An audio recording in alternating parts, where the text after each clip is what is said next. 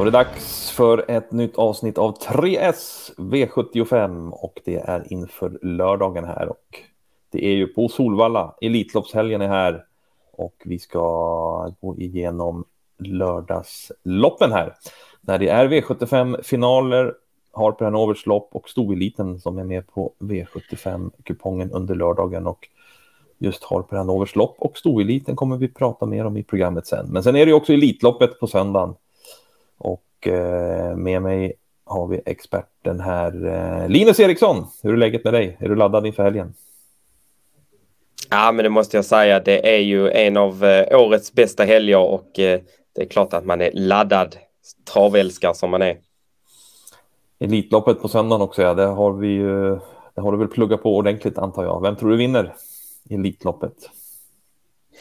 Ja, det finns väl ingen klar favorit i år, men jag vet inte. Trots spår 8 i försöket, precis som i fjol, så tror jag att Örjan Kihlström och Don Fanucci sett löser det till slut. Mm. Så kan det mycket väl bli. Eh, han tillhör de mest eh, ja, favoriterna här på förhand. Så att, eh, det kan väl mycket bli så att, att åtta Don Fanucci sett vinner årets Elitlopp. Men eh, i det här programmet ska vi fortsätta med V75 som avgörs under lördagen. Och eh, vi ska gå på första rubriken. Det är spiken.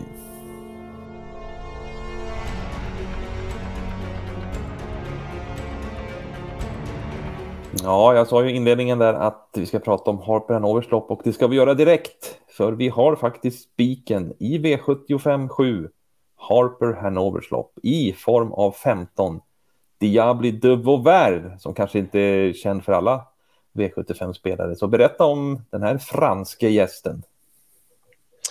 Ja, som du säger, det, det, är väl inte alla som har koll på, på honom om man eh, normalt bara följer svenska V75-cirkusen till exempel.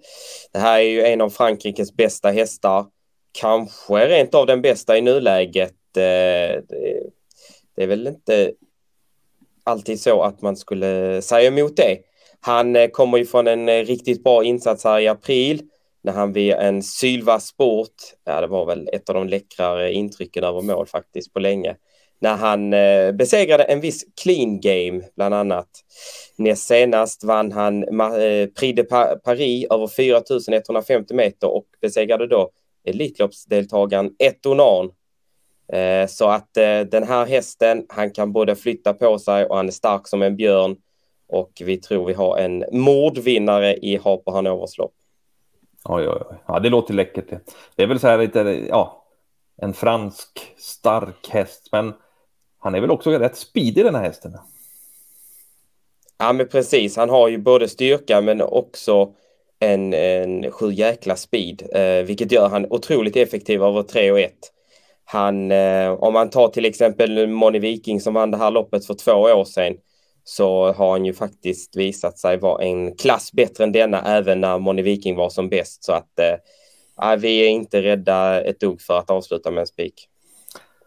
Ja, det låter bra. Det är 38 procent läser jag i nuläget här på, eh, på spelet när vi spelar in det här under fredag förmiddag och eh, ja, det känns ju som en, en eh, tilltagande procent då när vi och en bra procent när vi har en, vad sa du, mordvinnare eller vad, vad du pratar om.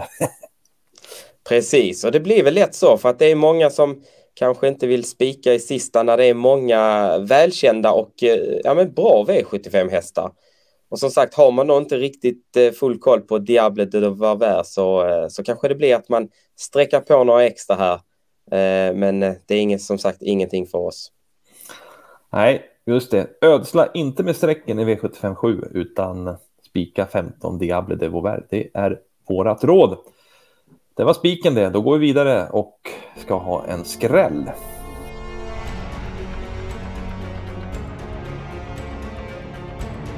Då så, då ska vi ta skrälloppet och ordningen är återställd. Vi är tillbaka i ett diamantstolopp med eh, fullt fält, 15 hästar där vi ska leta skräll. Men det är inte nummer tre Honfleur Miraz, som är favorit. Nej, det är väl ingen skräll om den vinner. Det är ju 35 procent när vi spelar in här vid fredag lunchtid och det är helt rätt att den är favorit. Det säger vi inget emot, men eh, som vi har varit inne på otal gånger i 3S så är det här ett lopp som väldigt ofta genererar skrällar och eh, vi har väl känslan för att det kan göra så igen. Så är det och ehm, ja, varför ska du göra det då? Ja, men om vi börjar med tre Honflömeras så eh, har de ju siktat hit ju. Stall Stenström och visar jättebra form och eh, kommer hon till ledningen som, eh, som många verkar tro så, så ser det väl lämpligt ut. Men eh, hästen ser inte helt enkel ut i voltstart. Spår 3 håller vissa som ett bra spår i volten men Ulf Olsson har själv uttryckt det att det, det kan vara svårt att få iväg hästarna riktigt snabbt här. Speciellt om du har en, eh, en från spår 1 och 2 då som, som inte vänder som de ska riktigt. Då, då kan det bli att du kommer iväg lite sämre och då måste man räkna med att hon Flömeras kör sig till ledningen för att hon ska komma dit och kommer, blir det så kan det komma att kosta lite mer än vad man kanske tänkt. Alternativt att hon inte kommer dit och då är ju favoriten lite illa ute. Så är det och eh, ja, då måste vi hitta några skrällar också. Vilken, eh, vilken skräll ska vi lyfta fram först och främst tycker du? Ja, vi har många lågprocentare som eh, mycket väl vi kan se vinna. Men en som är för lite spelad enligt oss och som ska vara lite klarare, eh, sticka ut lite mer, det är häst nummer 11, Impala Am, som näst senast var ute i ett försök till drottningpokalen. Mötte ju bra hästar då och lyckades som sagt inte ta sig till final men gjorde en bra insats. Eh, senast i ett diamantstolförsök då gick hon på 700 kvar. Du får en eh, riktigt fin långsida, rundade fram utvändigt ledaren och kunde till slut plocka ner Star on your marks ganska enkelt via 1, 10 och 5 sista 700. Eh, intrycket av mål skvallrade om att det fanns eh, en del sparat och eh, Daniel eh, låter ju väldigt nöjd med henne inför det här också och 6 i, på henne i nuläget det är för lite enligt oss. Härligt, 11 Impala Am där, en, en skräll att plocka med. Vi kanske har ytterligare bud här i, i loppet att varna för. Ja, men ett Queen Ligus tycker vi är eh, ett måste på kupongen också. Hon eh, höll ju bra från ledningen här senast. Hon förlorade då visserligen mot Jeans and Passion, men det var ju en betydligt bättre uppgift för Jeans and Passion den gången med lite färre hästar med i fältet och Jeans and Passion kom, kom fram redan i tredje utvändigt ganska tidigt i loppet. Um, Queen Ligus kan öppna ganska bra från start och det är inte omöjligt att hon rent av uh, spetsar initialt. Eh, alternativt kanske väljer då ryggledare. Så att en bra resa är hon garanterad.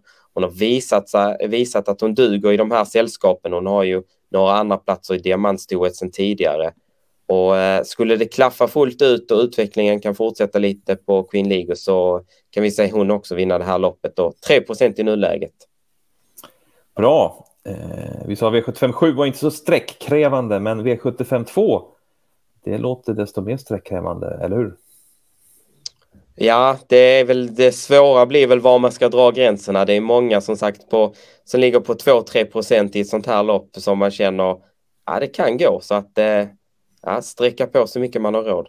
Ja, börjar man gardera då kanske det är värt att få med de där eh, lågprocenten och svårt att veta vad man, vilka man inte ska plocka med. Så att ja, V752 är i alla fall skrälloppet för oss och då återstår det bara chaset.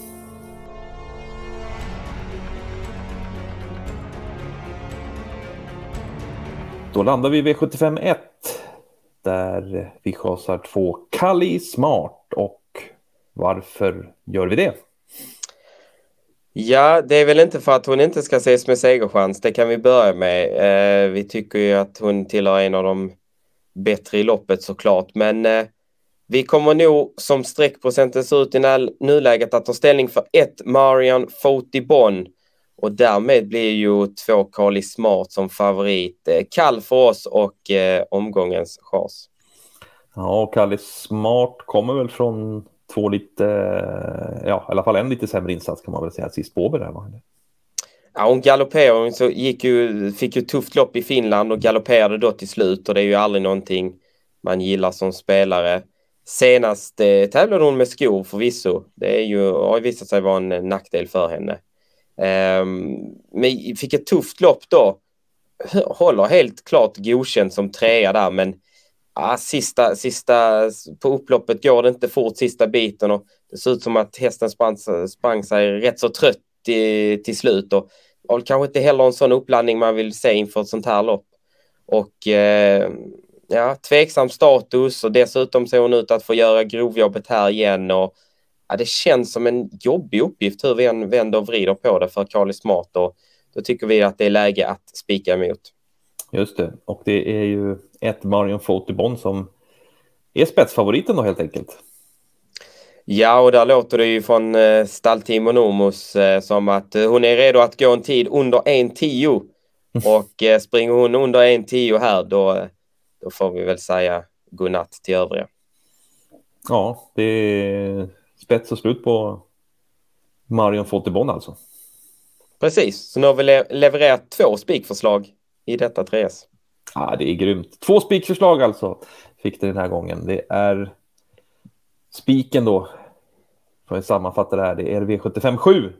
Nummer 15, Diable de Vauvert. Och sen eh, chasade vi alltså i V75 1, nummer 2, Kali Smart, vilket innebär att vi tror att ett Marion Fotibom kan vara ett spikförslag också där i V75 1. Och skrälloppet då, det är V75 2 där, stor, stor diamantstoet där, där eh, vi varnar främst för skrällen 11 Impalam, men missa inte heller nummer 1, Queen Ligus, som är eh, väl, väl lite betrodd i det loppet.